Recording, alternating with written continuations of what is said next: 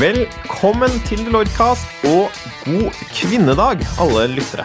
God kvinnedag. Her er eh, Andreas og Marius på plass i studio. For første gang i det nye studio, faktisk, i fjerde etasje her hos eh, Deloitte i Bjørvika. Eh, og vi skal snakke litt om kvinnedagen. Likestilling og Vi skal ikke snakke så mye om dagen i seg selv. Da. Vi skal jo snakke om rettigheter, altså kvinners rettigheter i arbeidslivet, muligheter, glasstaket. Er det egentlig noen forskjeller mellom kvinner og menn, og hva skal vi i så fall gjøre med de? Eh, og masse spennende ting i dette minefeltet som heter eh, likestilling og eh, feminisme og det som er. Og med oss inn i det minnefeltet så skal vi ha med oss Anne Mosaker, som er HR-direktør, og Marianne Eikrem, som er seniormanager her i Deloitte. Mm.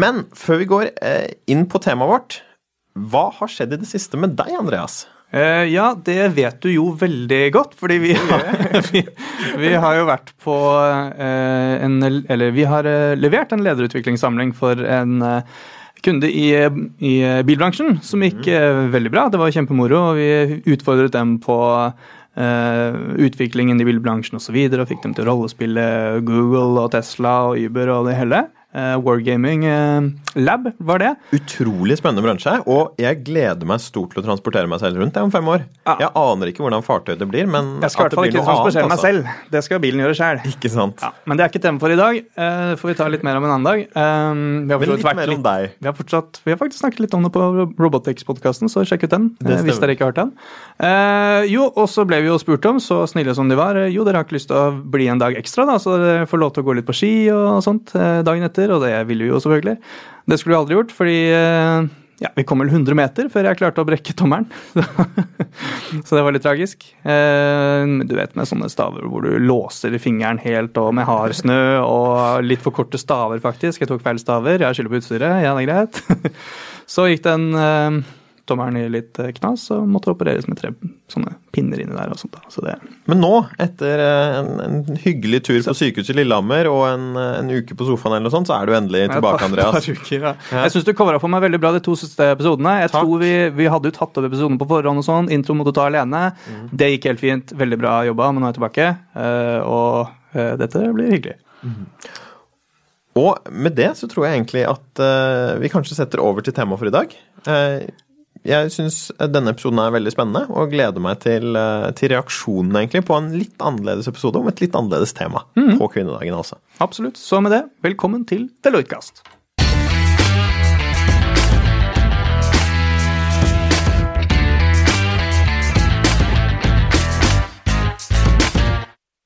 Da sitter vi her med Anne Mosaker og eh, Marianne Eikrem. Uh, Anne, du er jo HR-direktør her i Deloitte. Ja. Og Marianne er uh, senior manager. Kan ikke dere fortelle kort litt om hva dere driver med, sånn litt mer konkret? Sånn uh, til vanlig? Sånn til vanlig? Mm. Ja, som HR-direktør Jeg begynte i oktober, så jeg har jo brukt litt tid på å finne ut hva, hva gjør en HR-direktør i Deloitte. Den gjør det samme som veldig mange andre steder, faktisk. Passe på at folk har det bra, og pass på at vi har rutiner, og folk har arbeidskontrakter og lønn og Så er det en hel flokk på 20 personer som jobber med HR. Rekruttering og masse spennende som vi holder på med hver dag, faktisk, den gjengen der. Så det er en gøy plass å være. Ja. Eh, ja, jeg eh, jobber da i consulting i Deloitte. Eh, jeg hører til i Deloitte Digital, og vi har jo en veldig spennende reise på gang nå med åpning av studio. Som vi sitter i nå? Som vi sitter i akkurat nå, faktisk. Veldig bra. Men ja, så jeg har Jeg jobber som prosjektleder ute hos kunde 50% av min tid. Og resten av 50% så har jeg litt interne oppgaver, bl.a. å lede Deloitte Digital sammen med med Martin Bryn og andre, andre i ledergruppa. Og eh, jobber litt med QRM. Eh, ja, og litt rekruttering og andre ting. Så det er litt forskjellig. Så bra. Takk. Vi skal jo snakke i dag om, om, kvinnedagen, som er anledningen for episoden. Nå skal vi snakke om likestilling og om kvinner i norsk arbeidsliv, blant annet. Da. Så jeg tenkte å spørre dere først, hva betyr kvinnedagen for dere? Jeg, eh, kvinnedagen er liksom mer en dag som er mer sånn en påminnelsesdag. Mm. For det er ikke noe jeg går og tenker over så veldig mye til hverdags. Men når den dagen kommer, så er det sånn Ja, det, det er en fin dag å ha. For eh, man har ikke kommet i mål på alle punkter, i hvert fall hvis man, hvis man ser liksom i resten av verden òg. Så jeg tror det er en fin påminnelse om at det fortsatt er en vei å gå. Samtidig som jeg kjenner på at eh, eh vi har kommet langt her i Norge, egentlig. Og, ja, og det er liksom ikke sånn at jeg kjenner på så veldig mange utfordringer som kvinne i arbeidslivet i dag sjøl. Mm. Mm. Nei, det samme for meg. Jeg, har, kjenner heller ikke på det personlig. Mm. Eh, jeg tenker at jeg har hatt, eh, fått mulighet til å ha lederjobb siden jeg var sånn 5-36. Eh, og ikke kjent på glasstaket eller de der tingene som man snakker om og som man leser om i avisen. Men, men, samtidig så kan jeg jo bare lese statistikk, så ser jeg jo at verden er litt annerledes. Mm. Og også her i Deloitte så, så, den, så, kan vi jo bare se på tallene at vi, vi er sånn ca. 50-50 menn-kvinner totalt sett. Og også når vi rekrutterer unge fra eh, studiene, direkte fra studiet, så, så er vi jo det. Men uh, når vi kommer til partnernivå, så er vi altså 15% kvinner. Mm. Så da Det er jo litt underlig. Mm. Så det ser ut til å skje noe underveis. Det skjer som, noe eh, der, altså. Og den må vi komme tilbake til. Ja. Har dere planer på dagen, eller? For kvinnedagen? Som eh, ja, jeg skal faktisk være med på noe som heter Ski Conference. Oi, så kult. det blir spennende. Vi er ti stykk fra Deloitte som skal. Ja. Det, men det blir faktisk første gang at jeg gjør noe spesielt på kvinnedagen. Så pleier ikke å markere den, egentlig. Mm. Nei, jeg tenker at jeg jobber jo med Det er mange kvinner som jobber innen HR. Så kanskje vi må finne på noe. Ja. Eh, men jeg har jo også med meg i dag noen eh, rosa eh, luer. Ja. og de kan vi jo kanskje få flere av. Nå kan vi jo ta på oss Ja, det må vi gjøre. Vi jeg kommer til å se det. tar et bilde av dette her. Altså, mm. Dette man, kommer på Instagram? Ja, hvis man har, hvis man har fulgt litt med i, på verden der ute, da. Nå handler, jo, nå handler jo kvinnedagen mye om solidaritet med kvinner i alle land. Det er jo ikke alle som har det som vi har det her i Norge. Men i januar så kom det en ny president i, uh, i USA. Og da var det mange som ble litt bekymra for hva var det han tenkte om kvinner og kvinners rettigheter. Og så begynte man å strikke. Strikka luer, da. Pussy hats heter de. Eh, og de er sjokkrosa, og de har litt sånn eh, Det er ribbestrikk, heter det. Og så har de da sånne ører på toppen. Og de har vi nå de, på hodet? De har vi på hodet nå. De har jeg tatt med, men jeg har ikke strikka de sjøl, for jeg er jo en litt sånn travel uh, jobb, jobbedame. Så jeg har kjøpt de, og så har jeg sydd, tulla litt med de, så de får, har fått ører. Og, og, kanskje at jeg skulle sørge for at uh, iallfall meg sjøl og mine to døtre har uh, det på plass til kvinnedagen. uh, og jeg syns jo det er litt Det er jo litt interessant at vi i 2017 må begynne å marsjere igjen mm -hmm. i mhm. et sånt omfang, da. Mm. Og man kunne jo også se bilder på nettet av kvinner som var godt opp i årene, som var litt sånn skuffa over at må vi begynne å marsjere igjen. Jeg trodde jeg var ferdig med denne skitten her, som mm. en eh, amerikansk dame sa. eh, som for mange år siden hadde gått i tog og brent bh og alt mm. dette her. Som vi har ledd litt av. Men de gikk jo faktisk foran og ordna opp litt, da. Mm. Så kvinnekampen ser ut til å være ganske relevant, sier du begge? Eller at ja. her er det noe som går kanskje litt tilbake på noen fronter, og at vi fortsatt ser på statistikken i Norge at mm. det, er, det, er, ikke likt, i hvert fall. Mm. Så i lys av det, ser dere på dere selv som, som feminister? Er det et ord dere bruker for å beskrive dere selv? Jeg tenker at det er et veldig positivt ord. Jeg, mm -hmm. jeg tenker at det er mye Ja, det kan jeg godt si at det er.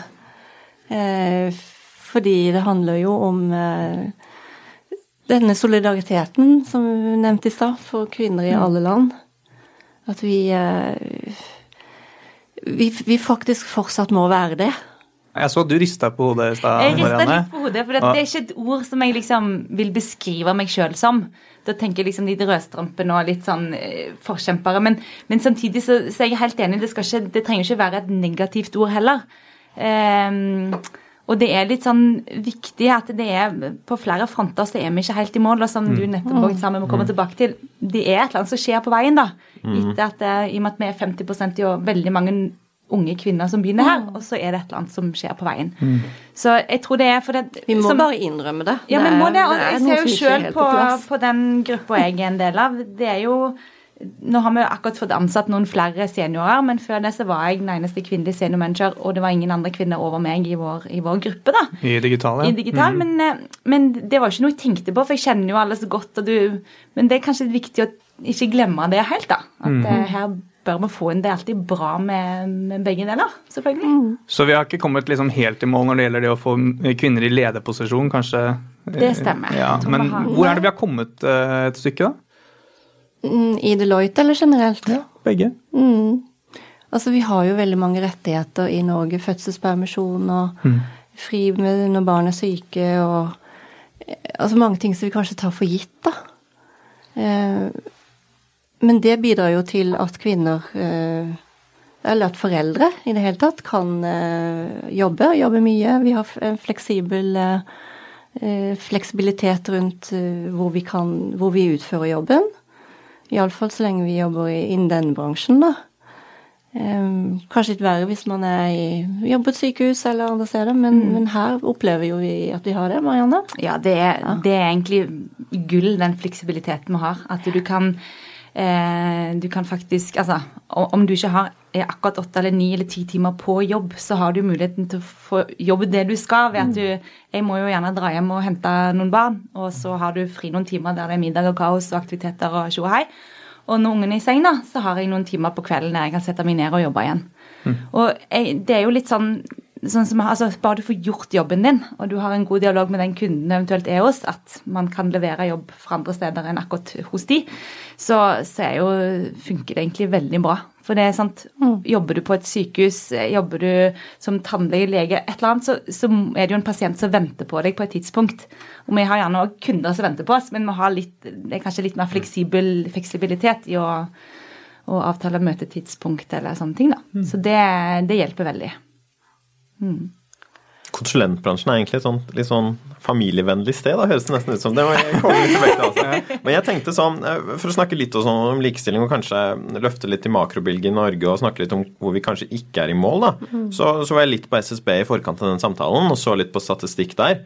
Blant annet dette tallet tall fra 2015, da, men at man ser at menns eh, gjennomsnittsinntekt er på 530 000 kroner i Norge mens kvinner er på 354 000. Så et ganske stort sprang der. Mm. I tillegg så ser vi at det er langt flere kvinner i offentlig sektor, langt flere menn i privat sektor, og at ca. to tredjedeler av alle de som er i lederstillinger i Norge, de er også menn. Så hva tenker dere at disse tallene forteller oss om hvordan eh, situasjonen med likestilling er i Norge i dag? Altså Det jeg tenker litt på, det er jo litt den der myten mange har om at når du får barn, så kan man ikke være konsulent. Da må du gå over i privat sektor, der er det mye bedre ordninger, der er det mye mer fleksibelt, kanskje. Innen det offentlige? I det offentlige, ja. I det offentlige. Men, eh, men jeg vil jo egentlig påstå at det ikke nødvendigvis er sånn, da. Og nå, nå har ikke jeg så veldig mye å sammenligne med, i og med at jeg har vokst opp i Deloitte. Men, eh, men jeg opp- opplever iallfall at har man god dialog med sin overordna i forhold til hvor man er hen i livet, eh, og at det er rom for å, for å prioritere familie litt og altså ja, ha, ha permisjoner. Vi har jo gode ordninger for permisjon i Norge. Eh, og at det er liksom en god dialog rundt arbeidsmengde og, og ting, så, så, så, så er det ikke noe Jeg har iallfall ikke blitt skremt av Jeg er jo her fremdeles, og jeg har tre barn. Så, så jeg tror nødvendigvis ikke at det er Men det er nok mange som tenker at det er sånn. At det er bedre å Altså, man kan være konsulent først, men når man får barn, da må man gå til linjen, for da er det mye mer eh, forutsigbar arbeidshverdag der. Det kan jo for så vidt stemme for noen, det, men eh, jeg tror ikke nødvendigvis det trenger å være sånn. Men det vil mange ha. jeg har jo jobba begge steder. Ja. Og jobbet i det offentlige når jeg hadde små barn. Eh, Og det, det jobbes mye der.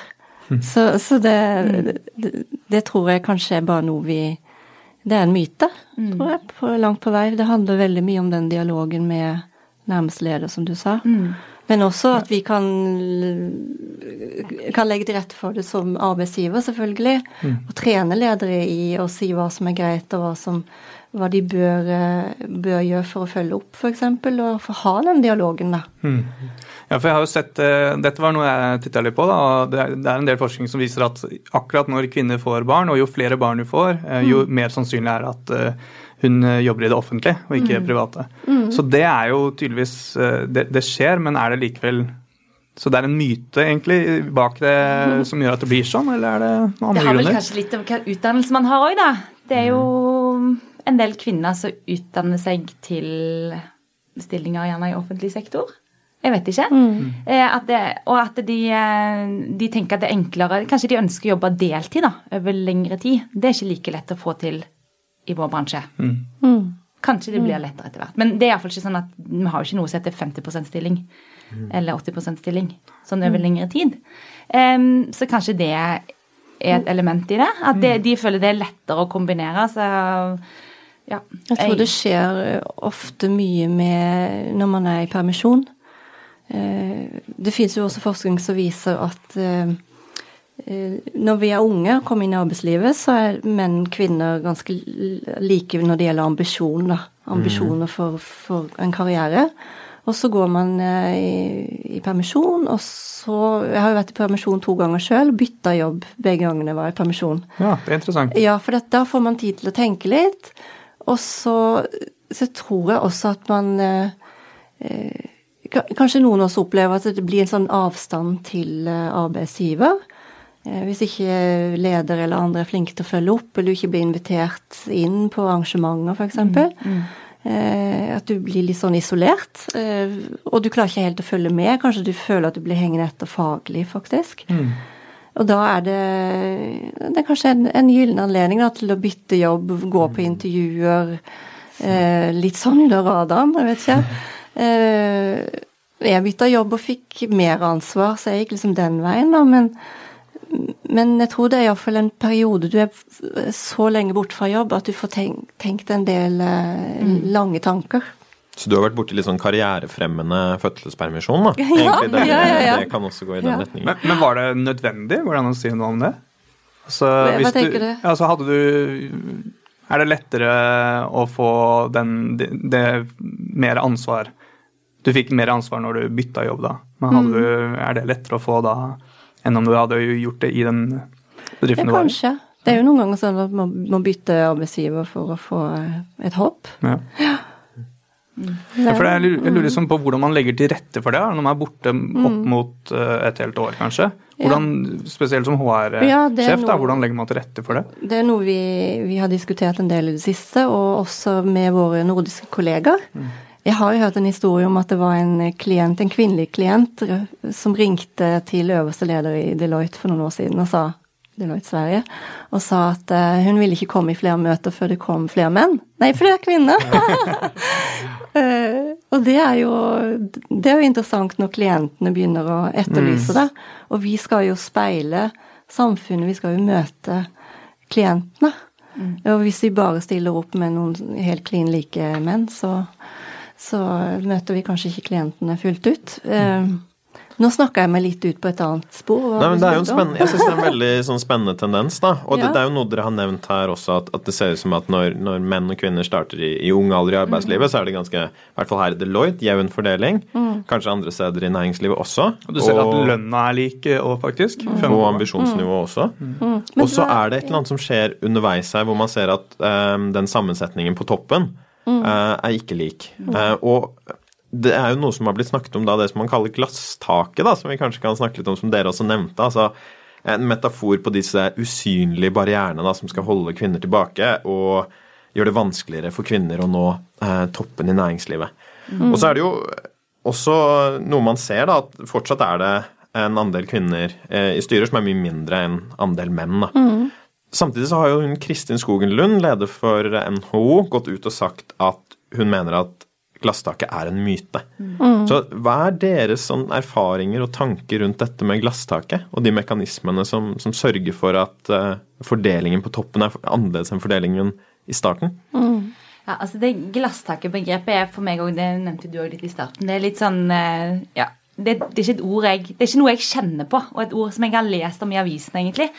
Um, jeg tror det med at det, fordelingen er så annerledes fra de yngre til at man kommer lenger opp, er jo det der med at det er så utrolig viktig å ha god kommunikasjon igjen når man er i den permisjonen. Mm. Sånn at sant, når man, man tenker gjennom seg om, har god tid til å tenke seg om, jeg bør jeg bytte jobb nå, da må du ha en counselor eller et nettverk et eller annet som gjør at du holder dialogen med arbeidsgiveren din underveis, for det er ganske lang tid. Mm. Og der har Deloitte noen gode ting mm. med at du blir invitert til lunsj, som counselor kommer til.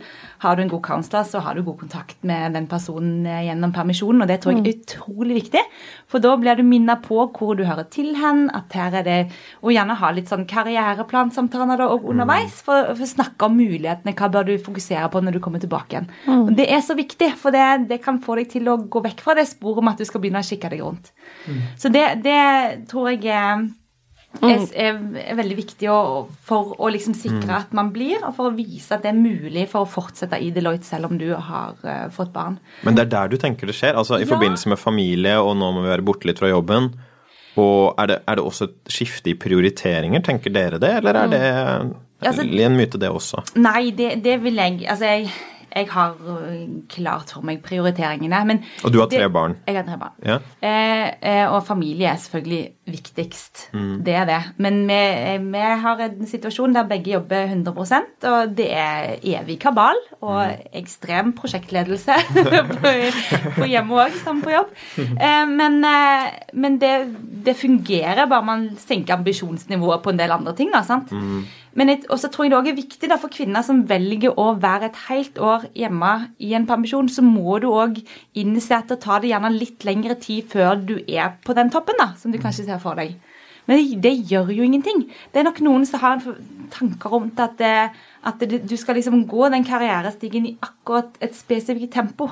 Mm. Men, og, det er de samme tinga det, ja. det, er egentlig noe av det de har gjort i Sverige, de, som vi kan lære noe av. Eh, der man har vært eh, mer opptatt av altså legge gode karriereplaner, ha samtaler med, med, med, den som skal ut i permisjon.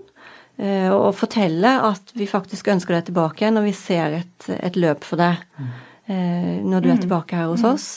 Eh, og, og, vi har tro på det, men det kan men være tydelig på at det kanskje da kan ta litt lengre tid. Nemlig. For man trenger jo erfaringen. Så jeg tror den tydeligheten og det å legge planer og ha struktur på ting eh, Og jeg kom over en, eh, en litt sånn forskningsrapport på LinkedIn her nylig som viste at mange kvinner eh, har større behov for at noen skal fortelle at vi har tro på dem. Mm. Det er kanskje noe med den der som vi var innom i stad, at du er i permisjon og føler deg litt sånn på siden. Men For det er jo litt underlig at vi trenger mer bekreftelse enn menn, da. Men ok, hvis, hvis, det er sikkert sammensatt, men uansett så vil vi jo på en måte klare å møte det litt med å ha tettere oppfølging. Og her, mm. når vi skal innføre en ny performance management-modell her i Deloitte Norge og i Norden, så inneholder jo den hyppigere samtale check-ins og alt dette her, mm. vil jo da bidra til en tettere kontakt. Mm. Men jeg tenker at vi kan legge til rette for disse Det er jo lunsjer som man blir invitert til. Kanskje vi kan gjøre mer av det? og gjøre mm. mer, altså Faglig innhold. Eh, hvor går Deloitte videre? Hva skjer i Northwest Europe? Ja. Mm. Jeg syns det er litt interessant dette med, med, forskjeller. da. Jeg har jo en sånn uh, psykologbakgrunn, så er, uh, dette med personlighetsforskjeller og sånt er, uh, synes jeg er kjempespennende. Og så begynner man å snakke om personlighetsforskjeller mellom kjønn. Da oh, ja. da må man passe seg litt, for det er et skummelt eh, tema. Men det er jo en del forskning på det. da. Um, og det er jo selvfølgelig alltid unntak, så sånn type forskning sier jo bare noe om hva, hvordan det er generelt, ikke om individ. Uh, men jeg tenkte jeg, jeg, har tatt med litt uh, sånn data på det her. Kan jeg bare lese det opp, så mhm. ser vi mm, ja. om det stemmer eller ikke, eller hva dere syns. Eh, så eh, det er funnet at menn er mer selvhevdende og mer selvsikre enn kvinner. Eh, så det er litt på det du sa der i stad, kanskje, mm. om at man trenger mer bekreftelse. Mm. Og kvinner scorer høyere på ekstraversjon, så det er litt mer omgjengelig. Men er mer bekymret. Stoler mer på andre. Og scorer generelt høyere på det som kalles tendered mindedness. Altså at man bryr seg om andres behov. Eh, og er egentlig generelt mer sympatiske, da. Eh, hva mm. tenker du om disse resultatene her? Eh, det er jo litt den der Ja, kvinner tenker gjerne på at det passer på at alle skal ha det bra og Eh, og ja, nå Nei, jeg, jeg, jeg, dessverre så tror jeg jo at det, det er noen iallfall delvise sannheter der. Mm. Jeg snakket nylig med en professordame som, uh, som, hadde også vært borti noe forskning på det området, som sa at kvinner har også veldig lett for å ta på seg de jobbene som ingen andre vil ha på kontoret. For litt sånn der moderlig For å ta vare på Ja da, og det skal være hyggelig og greit og sånn. Og så mm og de der mest ambisiøse mennene, vi spør ikke de, for de kommer alle til å gjøre det likevel. Mm. Så da gjør man den oppgaven som ingen andre vil ha, kanskje på bekostning av å kunne bli synliggjort på noe mer spennende. Så, så at man kanskje ikke får uttelling da på, på de litt sånn mer skjulte tingene. Mm. Og det er jo eh, Det må jo bevisstgjøre kvinner på, så kanskje, eller counselere på, at vi må passe på hvordan vi fordeler oppgavene. og mm. Ja, det er sånn, nok noe der. Du, du, sa dessverre at det, Jeg følte ikke at jeg tok med resultater som var forhold, eller liksom bedre eller dårligere, egentlig. Men, for jeg tenker det at, at, kvinner stoler mer på folk, det er jo en kjempepositiv egenskap, f.eks. Ja. At man er mer ekstravert. Ja. Det er bra, men samtidig da så tenker du at å ja, nei, men da er nok den personens meninger bedre enn mine. da, Stoler mm. mer på Hvis du sitter der med en følelse at du har en eller annen god forklaring eller en god, mm. god fremgangsmåte på noe, og så kommer det en, et annet forslag fra mm. en mann kanskje som er veldig sikker på at det er måten å gjøre det på, så holder du kanskje kjeft da, og bare ja, stoler på at det er det riktige. Ja, det første ordet du sa, var selvhevdende. selvhevdende. Ja. Ja. Eh, og det opplever jeg kanskje at jeg har en litt sånn negativ eh, snert. Mm. Eh, og så vil vi jo ikke heller være det. Vi vil liksom ikke ta plassen fra andre, så det er jo ganske sammensatt, da. Men, mm, men, det det. Men, men, det eksempelet med at kvinner kanskje tar på seg de oppgavene som ingen andre vil ha, eh, det på, en måte passer jo inn i det bildet, da. At mm. kanskje en mann eh, er mer bevisst på hva han velger dette er jo litt sånn minefelt, da. Så ja, men det er det det er. Sånn det, er det, det, er gøy. Så når vi beveger oss først ut på minefelt, så tenkte jeg sånn Hvis dere ser liksom på arbeidslivet og ser denne skjevheten som er på toppen, mm. tror dere at det som, som snakkes om her av personlighetsforteller eh, forskjellig, kan være en del av grunnen til dette, eller kan være med på å forklare dette? Er det noe dere kjenner dere igjen i? At, at, at kvinner er litt annerledes enn menn, og derfor så, så blir eh, fordelingen ujevn? Altså, jeg vil jo Sånn som på en måte forskjellen er, for det er jo, det er jo forskjeller mellom kvinner og menn. Det er jo det. Og da er det kanskje at menn er mer ambisiøse, har mer troen på seg sjøl. At de eh, no, Noen har kanskje karriereveien allerede klar for seg når de starter. Det står partner i pannen, og dit skal du. Og det, det vet du at du klarer, selv om du egentlig ikke har fått deg noe erfaring ennå. Så det, det, tror jeg er mer type også For at kvinner kanskje mer tar det etter hvert. Mm. Jeg vet ikke. Det er jo, og det er jo liksom typisk sånn når vi var akkurat ferdig studere og skulle på intervju.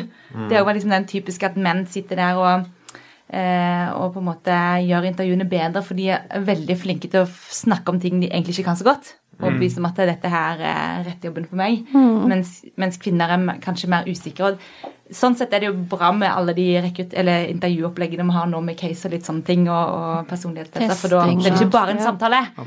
der du skal overbevise. Mm. Men det som er, Du kom litt inn på det i stad også, at ok, det er noen forskjeller. Men vi må jo legge til rette for å, for å motvirke det litt, og, og, støtte opp rundt de gode egenskapene og sånt også. Det syns jeg er litt interessant. Ja. Eh, og så er det også det at hvis, hvis, vi er vant til Hvis det er sånn at uh, man er generelt forskjellige, så blir man jo, forventer man jo den oppførselen. Og så når kommer det en dame som er ambisiøs, og så går det litt utafor det jeg gjerne er vant til. Det er ikke rart at det blir litt uh, vanskelig, da. Ja, altså det De fleste kjenner vel til denne lille undersøkelsen med der du beskriver en mann og en kvinne som gjør akkurat de samme Oppfører seg på akkurat samme vis, og så mm, blir det en mann Han er ambisiøs, mens hun er bitchy eller et eller annet. Mm. Uh, så da har vi jo noe, noen biases med oss, da, i forhold til hva vi tenker er bra og ikke bra. Ja. Sånn, sånn, jeg ser hele denne likestillingsdebatten, så er det, der, det er her det ligger. At man må bare være oppmerksom på disse mm. tingene. Uh, ja, for en, en sånn bias-ting som eh, At vi har disse biasene med det. Ja, og de tror jeg absolutt vi har. Og en sånn ganske spennende kronikk, eller en spennende debatt som var i NRK for et par år siden, det var jo en kronikk skrevet til Harald Eia, eh, hvor han da skrev at eh, det han sa at sannheten er at det menn gjør, interesserer oss mer enn det kvinner gjør. Altså som mann, da. Og, og sa da også at ros fra damer er rubler, mens mennenes anerkjennelse er dollar. Altså at for en mann så veier eh, Så er vi mer interessert i hva andre menn gjør, og vi bryr oss mer om skryt eh, fra andre menn også. Eh, er det noe dere kjenner igjen i? At menn er litt sånn opptatt av hverandre og hva de gjør, og hva de er flinke til, og få anerkjennelse av hverandre heller enn kvinner? Kanskje det handler om hvilken posisjon de mennene er i, dersom de får, får disse karakteristikkene fra. Jeg vet ikke. Altså hvis du får Hvis vi kanskje blir flinkere til å dele ut komplimenter, jeg aner ikke. Så det går litt sånn der eh, God inflasjon i det. inflasjon i det. Ja, han skrev jo at eh, det, Jeg husket ikke hvem han, han sammenlignet med, var Otto Jespersen og Linn Skåber, da, som begge var fantastiske komikere som man ser veldig opp til, og de er så flinke begge to. Men det er Otto som jeg vil ha kompliment av. Det var det på en måte som var eh, ute der. Han fikk jo et ballespark tilbake da, i eh, kronikkform av Linn Skåber, så Men dette her er vel sikkert noe menn heller må svare på. da. Jeg, jeg kjenner ikke noe til dette. her.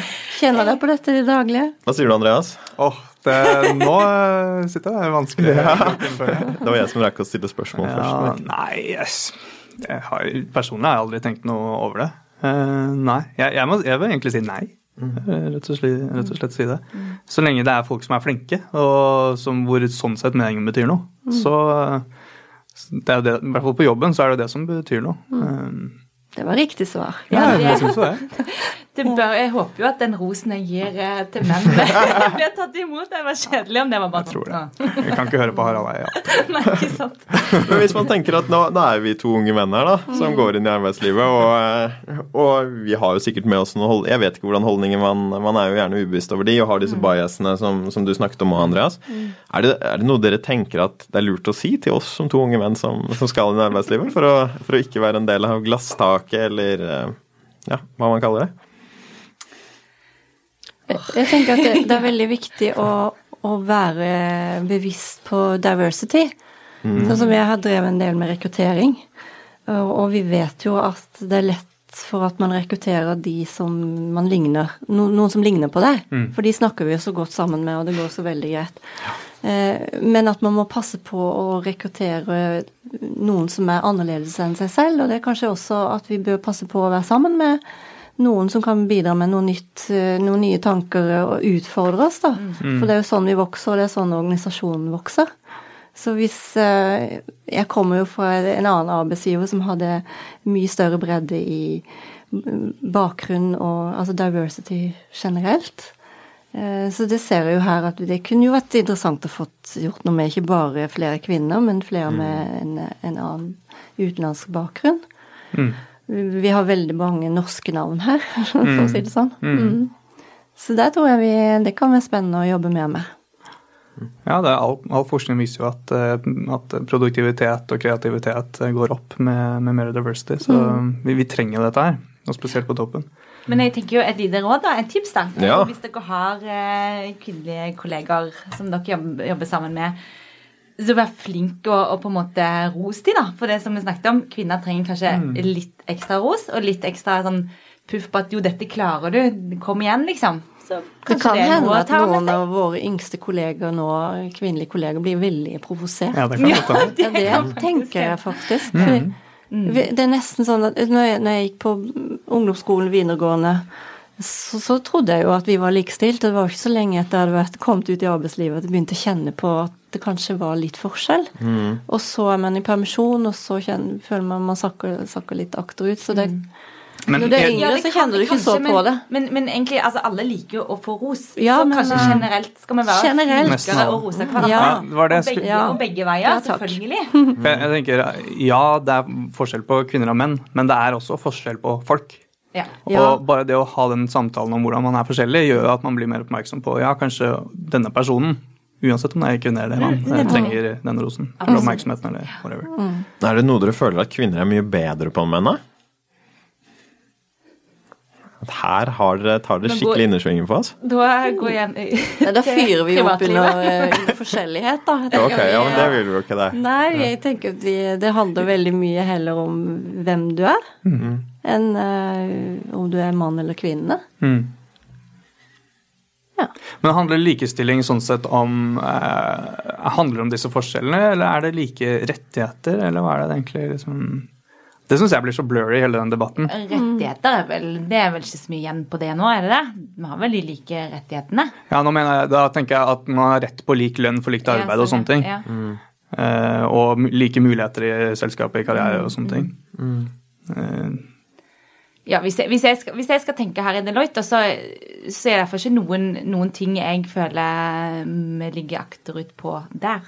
Der er vi jo Ja, der er vi up to speed. Og så er det jo bare det at igjen, da, som kvinne, hvis man velger å være hjemme i permisjon, du må på en måte bare tåle at du bruker litt lengre tid på karrieren. da. Det er jo litt logisk. Og, og ikke liksom tenke at det gjør noe. Man har god tid. Man, man skal jobbe veldig, veldig mange år. Det er, ikke, det, er ikke et, liksom, det er ikke en konkurranse, det er ikke et race, dette her.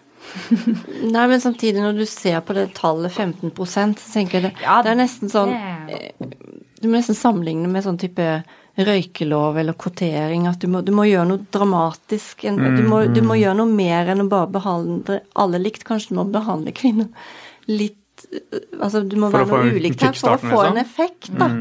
Så, sånn at Det har vi jo diskutert, at kanskje vi skal ha et program for kvinner, da.